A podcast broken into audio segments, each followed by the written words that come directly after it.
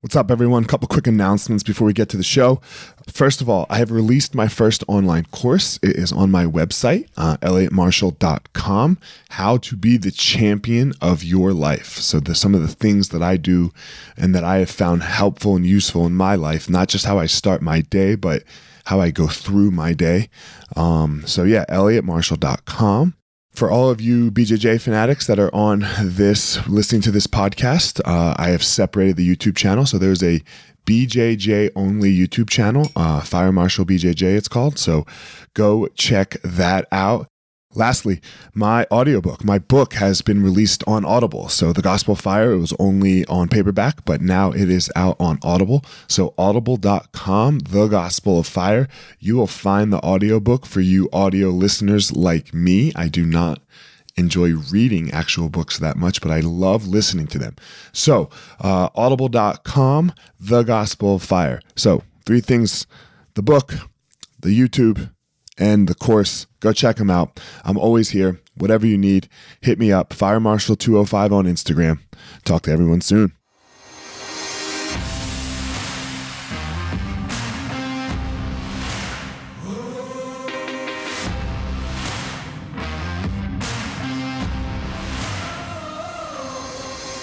What's up, my ninjas? This is former UFC fighter Elliot Marshall, and this is the Gospel of Fire, where we are going to learn how to go into the fire so that we can find our power and live the best life possible.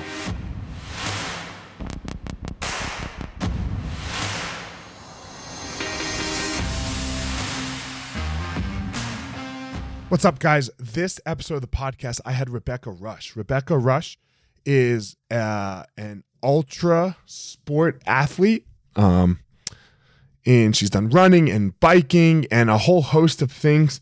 And man, her story about the Iditarod trail races that she's done and how she did a ride along the Ho Chi Minh Trail in in Vietnam. Uh, man, so touching, so heartwarming, so so soul connecting. So uh, I don't want to ruin them for you. They were amazing stories. I can't wait for you all to listen. So without further ado, here we go. The great Rebecca Rusch. Rebecca, how are you today? I'm doing great. Thanks for having me. Yeah, you are a little north of me, up in Idaho. I'm down in Colorado. So how is it? How how's the weather in in in, in Idaho today? Um, it's sunny and snowy. I live in a place uh, called Sun Valley, and so oh. um, yeah, the sun's out, but uh, there's snow on the ground. So it's ski season and fat bike season, and yeah, it's a perfect day yeah amazing and you you love the bike right? You love the bike so um it's my tool right now but i'm a multi-sport athlete you know started as a runner i've done a bunch of adventure racing rock climbing paddling and the bike is my most recent tool um, mm. for exploring. Here we go right now tell me about your tools. What is what what what does that mean rebecca? That's a such an interesting concept. Yeah well i i mean i think similar to you in that you used martial arts to, you know, it was your career and your sport for a long time and, and your job. Um, but you use it in in a way to access a different part of yourself. And for me, sport and movement in the outdoors, even since I was a little kid, has always been my tool to explore. And, you know, I, I've always thought I was exploring externally and seeing the world and going all these places to do races. Um, but you know more me- more recently the transition is is understanding that i've been exploring on the inside. And so yeah my tool for really self discovery and joy and clarity and happiness um, is movement in the outdoors and that's taken different forms. You know when i was a kid i would camp in the backyard and i'd ask my mom like can i camp out? And can i go exploring? Can i take my bike around you know over to my friend's house? And i always wanted to play in the dirt and we did a lot of camping as kids. And now i can kind of look back and see that theme throughout my life even with different sports and different activities. It's always been going outside and putting my hands and feet in the dirt and and going somewhere that maybe isn't the beaten path. And and most recently that tool is the bicycle and i do ultra endurance cycling. So multi-day self-supported type of bike rides where I'm navigating, I'm carrying all my own stuff, I'm alone a lot of the time, having sort of a, a vision quest out there. But ultra endurance is really where my heart is at as an explorer. And I kind of call myself athlete seems I've started calling myself an explorer because yes, I'm an athlete and that's my tool, but it's bigger than that. Um, it's bigger than than doing a sport for me. How did you get into the ultra side of things? You know, I learned I did track in uh, you know, I I joined the track team. That was my first formal sport in high school. And it's my my next door neighbor. Um, she's a couple years older than me. She was a friend of my sister's and she was on the cross country running team. And I was just talking to her one day. And as a young girl, you know, that age, I think you have kids. Um, your self-esteem isn't that great. You're trying to figure out who you are and, you know, your body image. And my next door neighbor, she said, you know, if you if you join the cross country running team, you'll never get fat and you get a free tracksuit. And I was like, okay, I'm in. Like that was it. that was the motivation. Um, and it's kind of crazy. It was those like cotton tracksuits, like with a little hoodie, and it, they were they were cool, and I wanted one. And and like I said, as a young girl, you know, I didn't want to be fat. I wanted to, you know, and it's the wrong reason to join a sport. But what I found there was a community. I found the strength of my body. I found that I could use my body you know, it wasn't just how it looked. It was a tool, like I said, to go do cool things. And so early on, you know, if you joined the cross country team, you also had to join the track team. And I wanted to do hurdles and long jump because cross country is hard. Like you, there's long distance. And at that time we ran two miles, which was forever. And that's still you know, forever for me, by the way. Forever. And for but, me, it's still forever. I don't run. I'm 260 pounds, Rebecca. I ain't fucking running two miles. Yeah no kidding but so yeah like you're like i don't want i want to do the cool like the sexy ones i want to do long jump and mm-hmm. hurdles mm-hmm. and but i wasn't any good at that stuff and so i quickly started to learn that my body was better the longer it got the better i did and so i followed i kind of followed what I, I think i was meant to be an endurance athlete for a long time and yeah, while it's it's physically and mentally hard, and a lot of people don't like it. You know, I went to college, and then you run three miles in college, and it was like, oh man. Um, so yeah, I've always I've always known that I was better the longer it got, and as throughout my career, I would see you know the longer races where you know, Leadville Trail 100 is sort of iconic 100 mile mountain bike race in Colorado. I've won that race four times.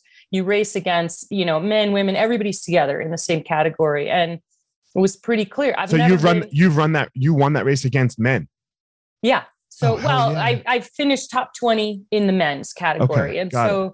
so yeah, I've won it four times as a female, but okay. what you're seeing, you're seeing everyone's pacing. And I've never been in the lead. You know, it's a hundred mile race. And, you know, about mile 50 is is where I start to um, you know, turn on the turn on the diesel engine. And and so you start to see where where your skill set is. And so i did start to recognize the longer i went um, the stronger i got or the weaker the competitors got. And i have won ultra endurance events against men. And um, you know i just my most recent race was a three 200 mile or so race um, in the snow self-supported. And i finished um, i finished fifth overall um, and yeah and and i'll just full disclosure here i'm 52 years old and i'm racing against guys. I'm racing against people 25 years old um, and in the ultra endurance space and in any kind of a technical sport like what you do there is power in knowledge and experience. And it's not always who is the strongest has the biggest vo2 max. And it's been really interesting to have this much longevity in my career and and still be able to be competitive. It's interesting when uh as uh, when you say what you just said because I, I it resonates with me because uh i went into mma uh before i got my black belt in jiu-jitsu. So i won a lot underneath black belt you know like all the belts coming up but I never won anything at black belt. And you know, I dabbled sometimes like while I was doing MMA, and I still didn't win. And I was never ever ever, ever excuse me ever able to beat champions, mm-hmm. even at other like if that like the best of the best, like some people that were world champions. I was never able to beat them. And then I got old, and I had a, and I started my own business and had kids and retired retired from MMA, and I had this anxiety problem. And then as I was conquering that, as an old man, 36, 37 years old, I started beating some of these champions. I went back into competing. And I was like, what is this? Because I don't train like I used to. I can't, I can't physically do what I used to. Yeah. But there was something about it for me. What was what is it about it for you as this 52 year old beating these 25 year olds? You know, I mean, do you do you have children as well or no? I don't have kids. I have dogs. Okay. Um, yeah, but but like you said, I'm here's what it is and this is what is really the magic as we age and and hopefully everybody's going to grow to be a an old athlete you know you know hopefully we all get to grow old um, it's something we don't escape but i think as you mature here's the difference is you have the confidence to know what you're able to do You've mm-hmm. been there before. You've got the experience of being knocked down or falling off your bike. You, you have the experience of messing up and getting up and figuring it out and you know more recently for me you, start to understand that that there's more to it than physical prowess that your mind and your spirit and your energy and is is a big part of human performance. And i know you coach people and you know i try to share what i know as well for for athletes I, and i believe everyone's an athlete because we live in in a physical body and we want to move around in this world in the best way we can. So you may not be competing but i believe we should all treat ourselves as an athlete because we are. We have a body that we hope will last a really long time and feel good. And so the human performance aspect to it has to include mind body spirit and has to include technique like you said you brought in a whole nother learning and being a, a continual student no matter how old you are or what age you are you're learning all the time. And that really resonates with me. A few years ago i went into a, a different aspect of the sport because I, I, needed to scare myself again and i wanted to keep learning. And i i, I went what was that that's winter bike expeditions. And I've always been bad in the cold. I've always hated the cold. I have asthma. I have poor circulation in my hands. I'm real sweaty person. So that's like a death sentence um, in sub-zero temperatures. And so I signed up um, and did the training and did the work and the studying to do a race. Hold on, hold on, hold on. Yeah. Sub-zero? yeah. Not just cold, fucking freezing. Freezing. And like went to Alaska and did this race um, that called the Iditarod Trail Invitational. So it's it's on the dog sled race. Everyone's probably heard of the uh-huh. traditional uh-huh. dog sled race. So people go do that human powered as well on bike, on foot, on skis. And so I went to Alaska to scare myself, to really commit because I hadn't hadn't scared myself in a while. And I think like you, I'd sort of lost my mojo and lost my focus. And I had a real pivotal moment about seven years ago as well and was kind of like well was that it? Was that the highlight of my career? And and so i chose to do this alaska thing. The iditarod trail invitational um to really can I, see can i stop you for a second yeah yeah. Um that pivotal moment. I think these yeah. moments in our lives are very interesting right? To say the least. What uh what was your pivotal moment? What was it like what what yeah. brought it on? How, what you know what how long did it last? Because i think i think these moments scare people. They're very like when you have them they're very scary. At least at least mine was yeah you know? and i i appreciate you sharing your story. You know i i i've watched your ted talk and listened to you share your vulnerability and your fear and and how you came through that.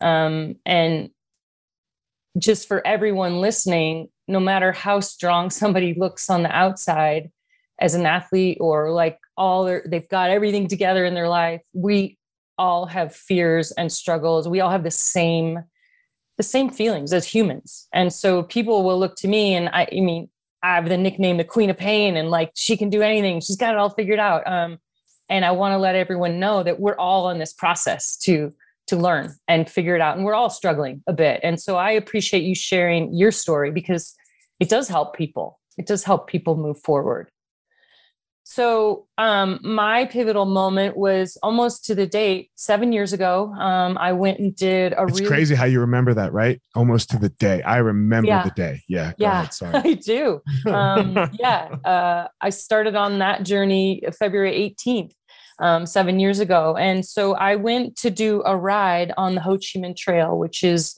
through Vietnam, Laos, and Cambodia. It is the trail that during the Vietnam War, the North Vietnamese used to move troops, people, ammunition down through the South. It goes through the jungle. It's, you know, this network of crazy hidden trails.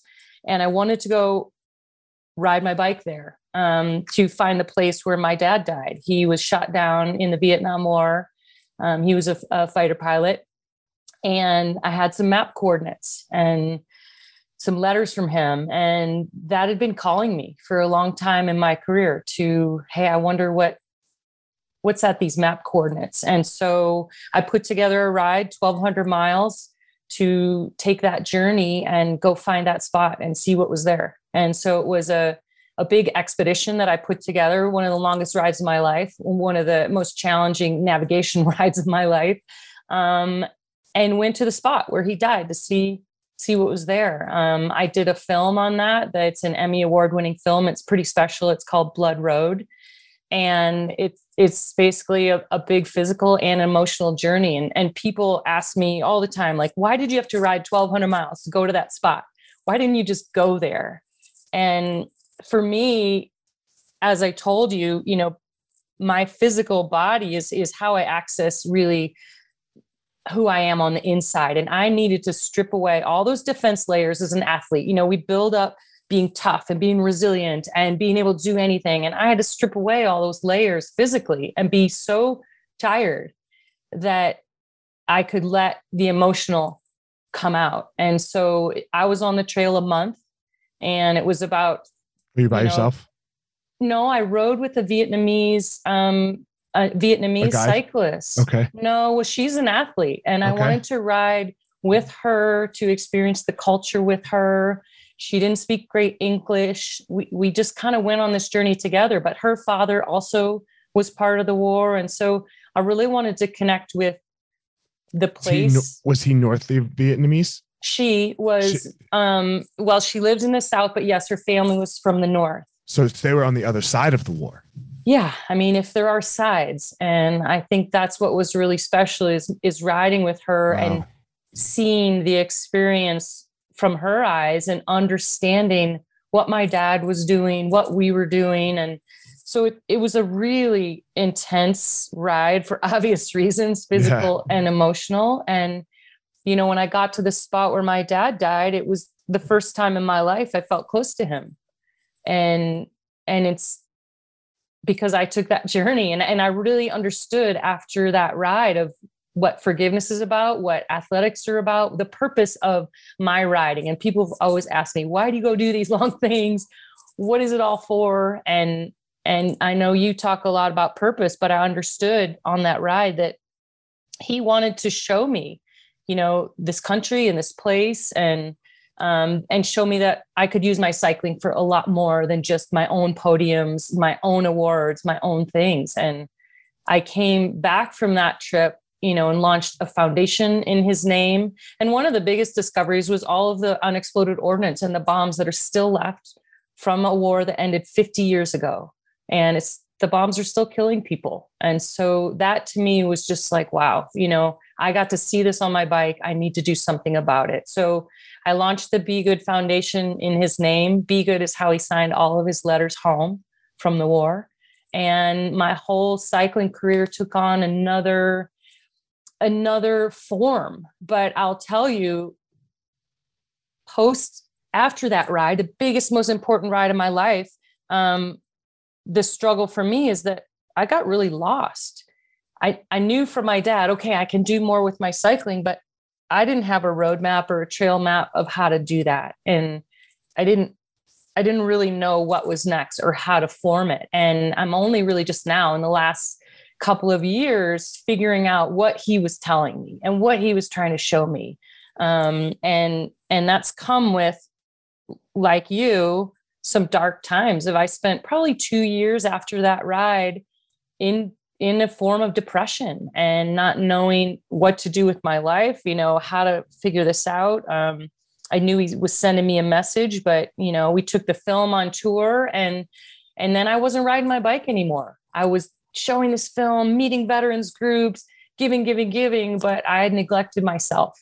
And now I'm coming back around to realize that when we put time and attention into ourselves that we are better parents better people we can share more. And so that was a sort of a, a down period and a lesson but but learning that that it does have to start here in your heart in yourself in your own awareness in your strength so that then you can share that with other people. It's so crazy what you because you said to me offline uh before that we were like you know brothers from another mother you know? I don't know what happens when when one's a boy and one's a girl but brother from another mother is what sounds better right? Sounds so better, yeah. so everyone says it. But uh holy shit you weren't wrong I, you know? You weren't yeah. wrong. Like well, when whole- i was hearing your story i i felt that too like and and that's where i want to say again to everyone we're all going through this roller coaster and mm-hmm. is it what do you take with the messages and the down times and the really hard struggles? How do you get out of it and rise back to the top of the mountain again? I, and, I, I do the same thing. I mean, down to the give, give, give piece. You know, I do the too same much thing. of yourself. Give too, too much. Yeah. And yeah. then and then the expectations aren't balanced. Yeah. You know, whether it be with people or situations or whatever it is and it, it's just not balanced because i'm saying that i don't need anything back and then i can just give and that's all that i need and that's just not true for me. That's not true yeah. for anyone right? You need you we all have needs right? Yeah. we all have these human needs. And mine comes a lot rebecca from guilt. You know i'm i'm guilty of the fortunate life. I feel guilty for the fortunate life that i have. Mm-hmm. and i'm not saying i don't work hard but there's people that work 20 times as hard as me just for a cup of water for their family and so I feel very guilty about this. I, I have a lot of guilt. And I'm like, okay, well, then I'll just give and I don't need anything. And and man, that has bitten me in the ass more more than once. And I and I'm really just really realizing that okay, Elliot, you have to you have to take care of you first here. You yeah. So. Yeah, and it's hard for people that yeah, it's hard for everyone. It's hard for mothers. It's hard, you know, you mm-hmm. want to you want to give to the people around you, but ultimately, and I've been there too you know you burn yourself out and then you quit and then you're no good to anyone else. And i know you talked about quitting. I've quit once in my life um, in a sporting event and that still haunts me. Um, haunts you. yeah. Haunts you. You never forget it. I don't know if i go a day without thinking about it. Yeah. Yeah. Sometimes. Maybe if i'm on a beach in maui i do. But you know but very rarely do i go a day without thinking about that moment because it it, it's it's the no no for an athlete, mm. right? It's it's the worst thing. It's worse than losing. Yeah. Right. Oh, yeah. and, and, and for me, I don't know about what yours was like. I want to hear your. Nobody could see that I quit. Nobody knew. Mm. Right. Like for me, when I when I lost that one particular fight, no one knew. Like I took the beating. Like I didn't just say I quit. You know, I I, I just let them beat me up and went to the hospital afterwards, right? I still have this flash in my eye from it, you know, 12, 11 years later, whatever. So only Elliot knows. And the only reason the world knows is because I tell it. You know, I tell the story. What was it like for you when you quit? I'll tell you in one second, but I'm just thinking of like you took this physical beating mm-hmm. and then you gave yourself the emotional beating. Oh, later. Oh, God. Oh, God. I mean, yeah. I still do probably. Yeah. In some way, right? Like I said, I think about it every day. So we all still do this. This yeah. is a thing we do, right? And, and you talked about forgiveness, and we'll come back to your quit in a second. But you talked about forgiveness, and I think a lot of forgiveness. Uh, if you don't have self forgiveness, it's very hard to forgive others.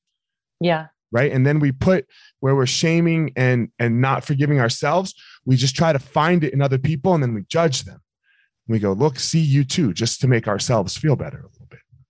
Yeah, and I work with a, a woman uh, who uh, therapy who she does Ayurvedic practices, and and what you just said, she she talks about how everyone that we see they're they're often a mirror of ourselves, and you may critique somebody, but they're actually a reflection of something you don't like in yourself.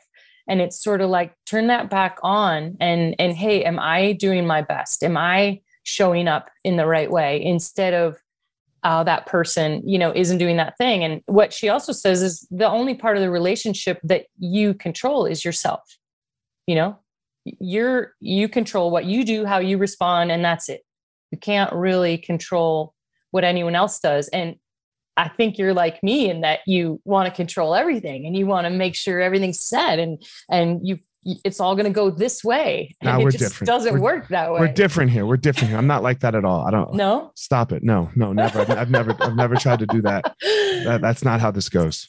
Most high level athletes really do want to control everything and letting go of that is is actually kind of hard and knowing that back to your point focusing on yourself is kind of the only control that you have and and making sure that you're doing your best and that language that we use on ourselves you talked about forgiveness and i have a little technique that i use because we're everyone we're our worst Please. enemy we Yeah. we beat ourselves up in our heads every day you say stuff to yourself you would never say to a stranger or a loved one At times, no one, no one can hate me more than me. At times, yeah. Right. And Yeah. so how so what I do, and it's it's awful. We shouldn't speak to ourselves that way because one, it's not productive, doesn't help, makes you feel crappy. Um, and and it doesn't make you perform better when you when you talk down to yourself. So the strategy that I use if I'm out there on the bike and I'm like, oh Rebecca, you suck. You can't do this. Why you should just get a different job? Like, what are you even thinking?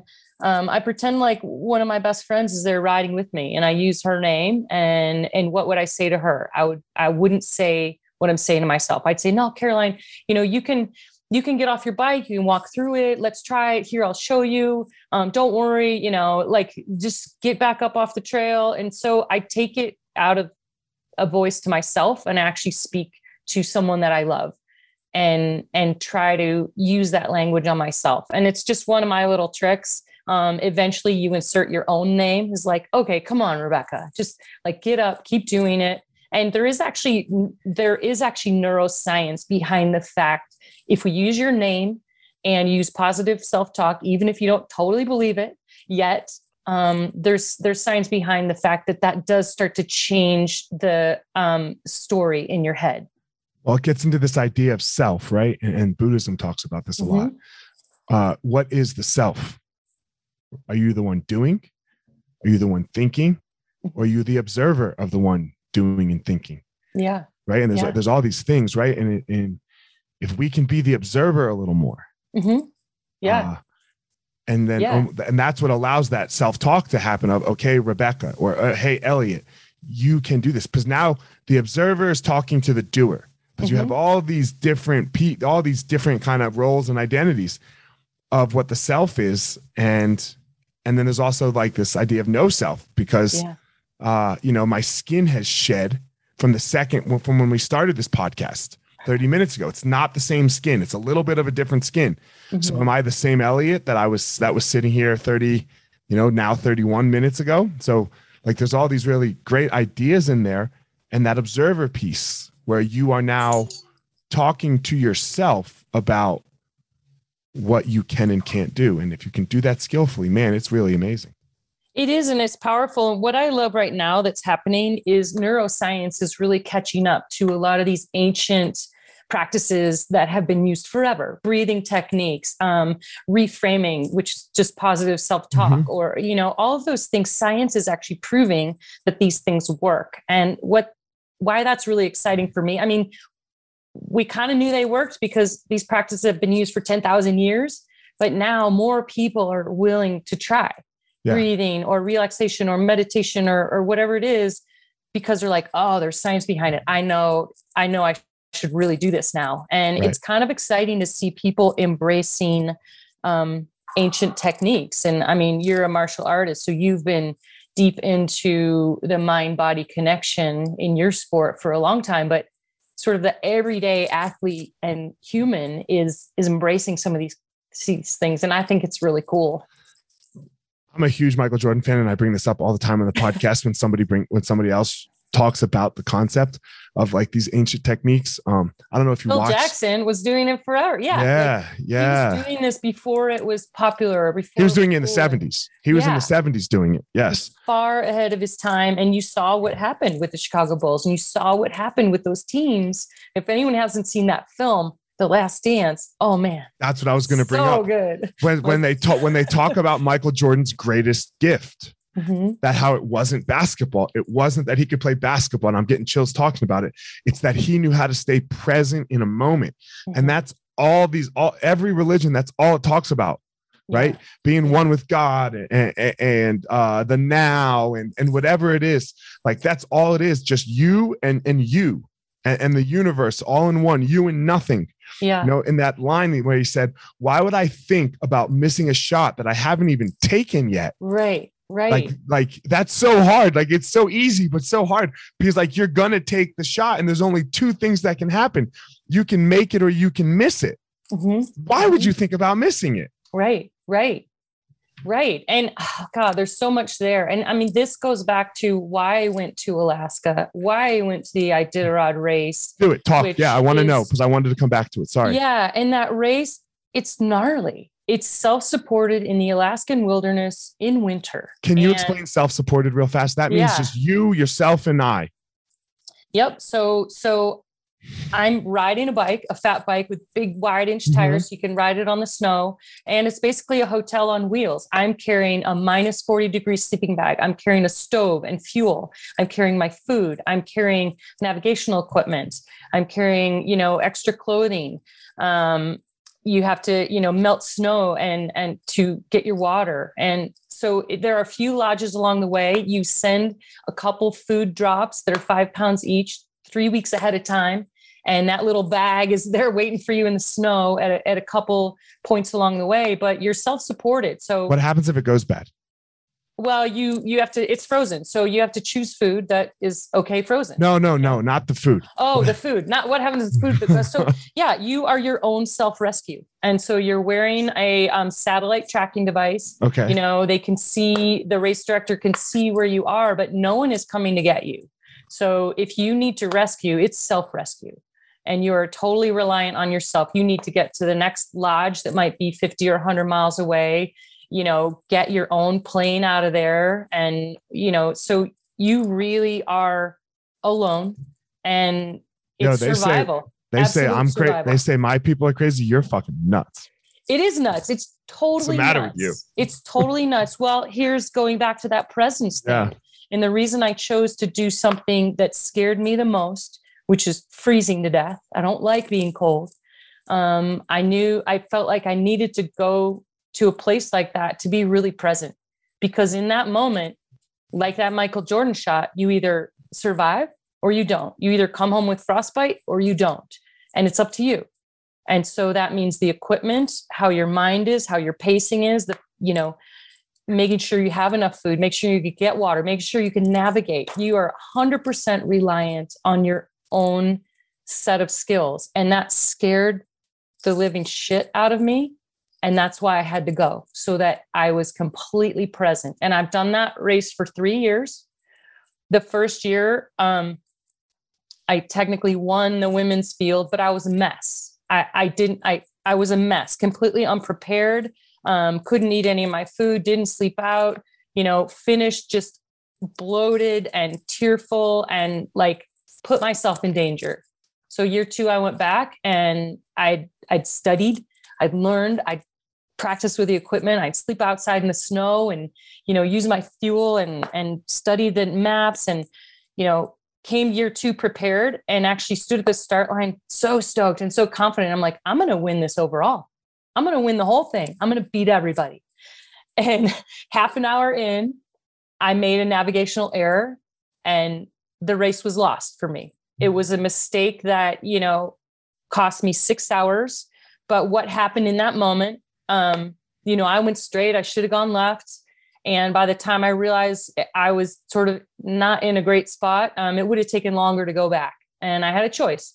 Do I quit? And I'm sitting there crying Tears are freezing to my face. I'm like, I was going to win this thing. I fucked up. I was so mad at myself and I had a pity party for a little while. And then it was like getting dark, starting to snow, and I'm alone.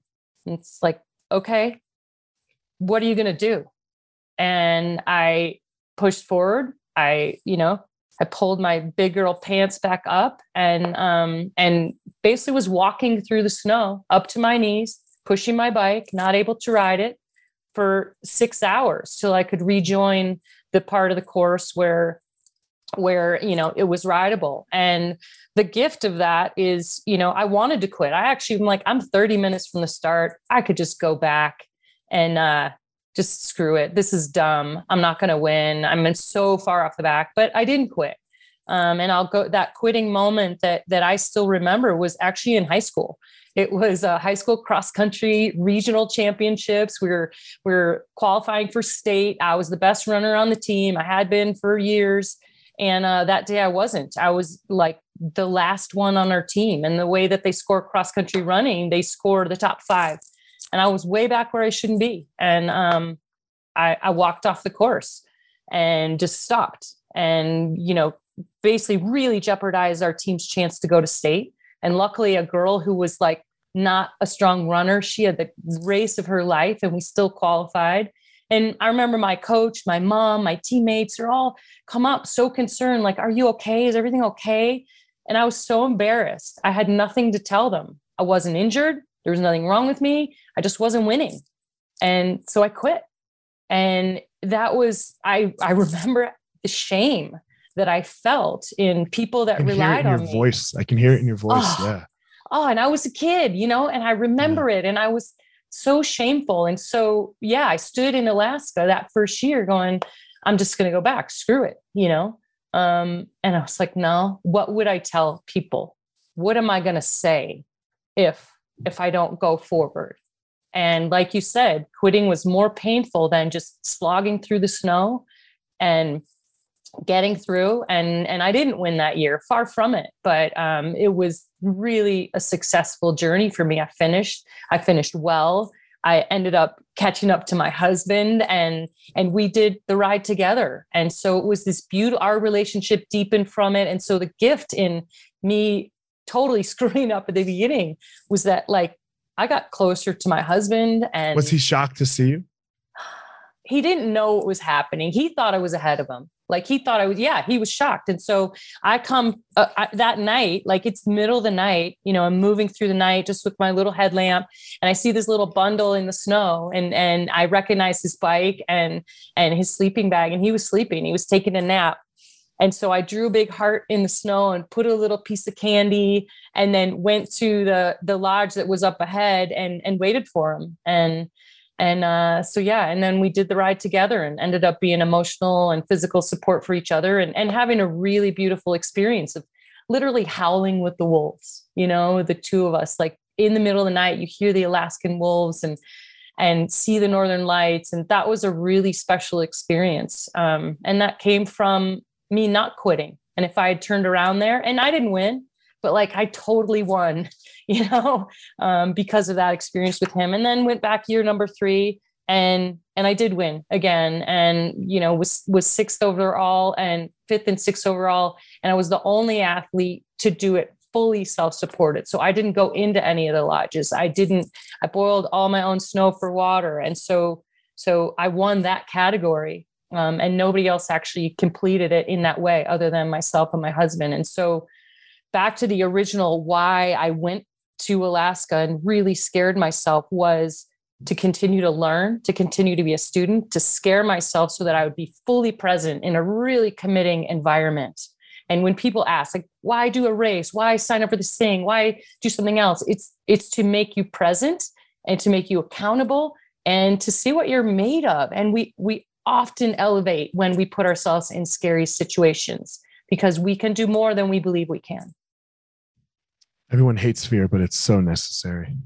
It is. And yeah, there's research of like fear is a super powerful neurochemistry, you know, neurochemical motivator. You know, there are things, fear and curiosity are two of the most motivating things that um, are, are shown, you know, through neuroscience, which is really cool.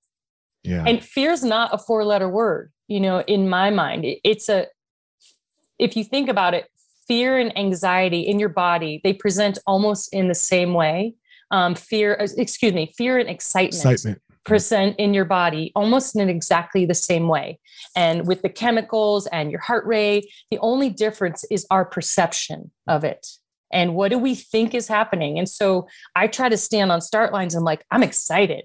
Like i get to do this. I chose to be here. And what is the fear about oh, is someone going to go faster than me? Is, you know, in Alaska, the fear is, am I going to survive? And that brings the focus right in of like, okay, I better perform because I want to survive. I need to survive. It's interesting. I, I do this, I do that exercise with my athletes. I'm like, mm-hmm. can you tell me what it feels like physically when you're scared? Yeah. And then they describe it. And I'm like, okay, can you tell me what it feels like physically when you're really excited? And a lot of times they can't like they don't like, I'm like, what do your legs feel like? What yeah. do your hands feel like? What does your yeah. stomach feel like? What does your chest feel like? And then I'm like, you see that? They're the same. They, they present the same, mm-hmm. not the mm-hmm. same, right? They're definitely not the same because what's going on in between the two ears is definitely different, you know? But and if I, we can, yeah, if we can const- see that yeah. they're the same physically, you know right. that you can perform when you're excited. So right. then you also then can perform fearful. Right. And I I love that concept of looking inside yourself and paying attention. Are my hands sweating? Is my heart rate elevated? Like it's it's called interoception. Is mm-hmm. like your perception of what's going on in the inside. And athletes tend to be good at it because we are listening to our bodies a lot, but we can all practice a little better of like what really is happening here. Is it is it here? Is it in your heart? Is it in your gut? And I I we have three intellectual centers our our brain, our heart, and our gut. We often like let the brain take control and and especially in a race or whatever, you're you have to respond to something when the gut just does the response. It does the right thing, you know? Mm-hmm. Mm-hmm. Such a good one. Um as we close here, I, you know, I always tend to ask these last couple questions to everyone, um, just because there's no real reason for you to come on the podcasts. Um, well, I shouldn't say real reason. There's no incentive, really. You're not going to get a massive ROI. Um, I know you have a race that you sponsor. You talked about your foundation. You're an author. All these things that like where there are tangible ROIs to. Uh, I'm I'm not I'm not that person, yeah. right? This podcast isn't that. It won't do that for you. Uh, I I hope you weren't expecting that. I wasn't. It's not okay, why I showed up. Yeah. So that's my question is why show up? Why show up to something that that is almost meaningless? Well, I'm going to challenge you on that because it's not meaningless. I think sharing our story um, is is one of the most powerful things we can do. Sharing the lessons of what we know is and sharing our gift. You know, you talked about feeling guilty because you had privilege or you had things. Um, you have a gift that you can share. I have a gift that I can share that will hopefully help the next person, the next athlete, the whoever it is. And it, and it also helps me by actually talking through this stuff. I'm reinforcing what I'm learning. And so the reason to be here and the reason to have these conversations is that I do believe as humans, we have a responsibility to to give away what we've learned, to give away what we know. I, and I have Are you sure? That. Are you sure we're not brothers and sisters? Are you sure? So I have these navigational tools that I in in that dark period after after Blood Road, after you know finding connecting with my dad on a really visceral level, um, I I had to develop some navigational tools because I was lost, like I told you. Sorry, it's my dog barking. You're good. Um, and those and i'm basically how i did this and i would encourage everyone to do this if you take this away. You know every business has a mission statement value statement. We rarely do it for ourselves. And i had to do that for myself. It's like kind of write a mission statement and like what is this what is this project of me all about? Version 5.2 of rebecca and and what i came up with i just looked back at like all the pivotal moments in my life where where things were working and i was happy and stuff was going right. And we all have those whether you bought a house you got a job you had a kid. And i came up with my own navigational tools. And those are and you're welcome to steal them but also develop your own.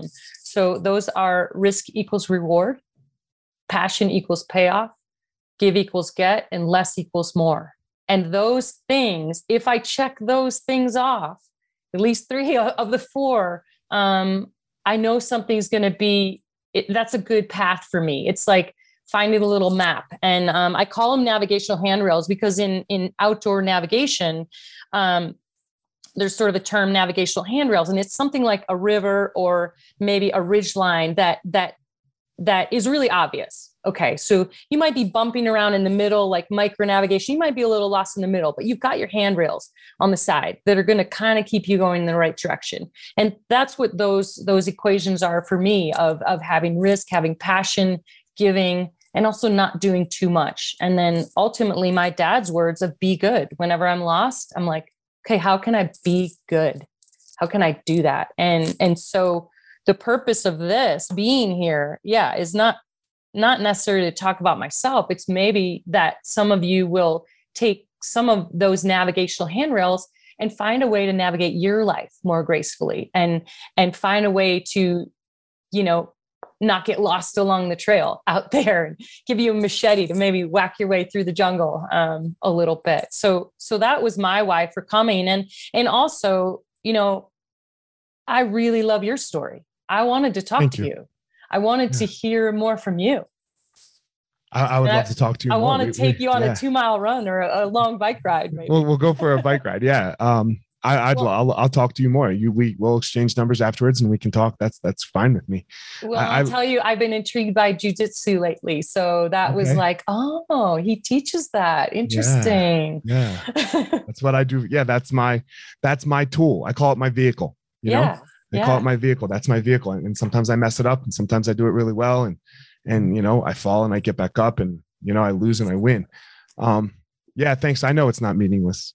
You know um, but sometimes I, I just want the reason I, I frame it in that way is because I want people to hear that these what may seem meaningless things really, really actually matter. Yeah. You know, um, somebody said something to me yesterday. He was like, look, every decision matters. Mm-hmm. It's just practice for the next one. Mm-hmm. You know, right? You know, like they all matter because what what does like the the major ones are so easy. Should I marry this person? Do I want kids? What job do I? Right? Okay, sure. Right? Those are so obvious, but it's it's the little ones that actually make up your life. Yeah. You know, yeah. it's the little ones where no one's there and and there's no real consequence maybe in the moment that really really make up your life. And so like this podcast, it's just me and you sitting here talking I have no clue how many people. I mean, I have an idea of how many people will listen, right? But like, you know, if no one listens, no one listens. It, it, it wasn't meaningless because I had a great time, and I me too. too, yeah, absolutely, so, yeah. Um, you talked about it in there a little bit. You talked about your gift. I call that somebody's power. Um, what's your power? What's your gift? My power is you. Well, my nickname's the Queen of Pain, but I actually, I, I think my power is in perseverance and and staying just staying in. And a second power is that um, i feel like i am a good guide and i want to be a guide for people um, if they want to follow along or yeah. or kind of join on the trail with me. It's it's yeah i think that that those are my powers. I have two questions surrounding that. Yeah. one when did you realize it? Like this year? Okay yeah, cool. recently. Yeah, recently. And this whole idea of being the guide, right? Because I, I, it's, I love that as well. Um, how do you deal with? Uh, you're not for everyone, right? It's a hard thing sometimes when, when you mm-hmm. put yourself out there in the world, mm-hmm. and some people go, "Fuck you," like "fuck you" and "fuck your story." Maybe, maybe you did this to me, and or blah blah blah, right? Or maybe they just don't resonate with you. How do you handle that? You know, yeah, it's a good question. One, I don't listen. Um, I really try to surround myself, and and COVID was an interesting. The pandemic was an interesting practice for all of us to choose the essential people, the essential things in our lives. You know, to shed maybe. You know, we all had to go inside. We really had to go inside of what's important to me.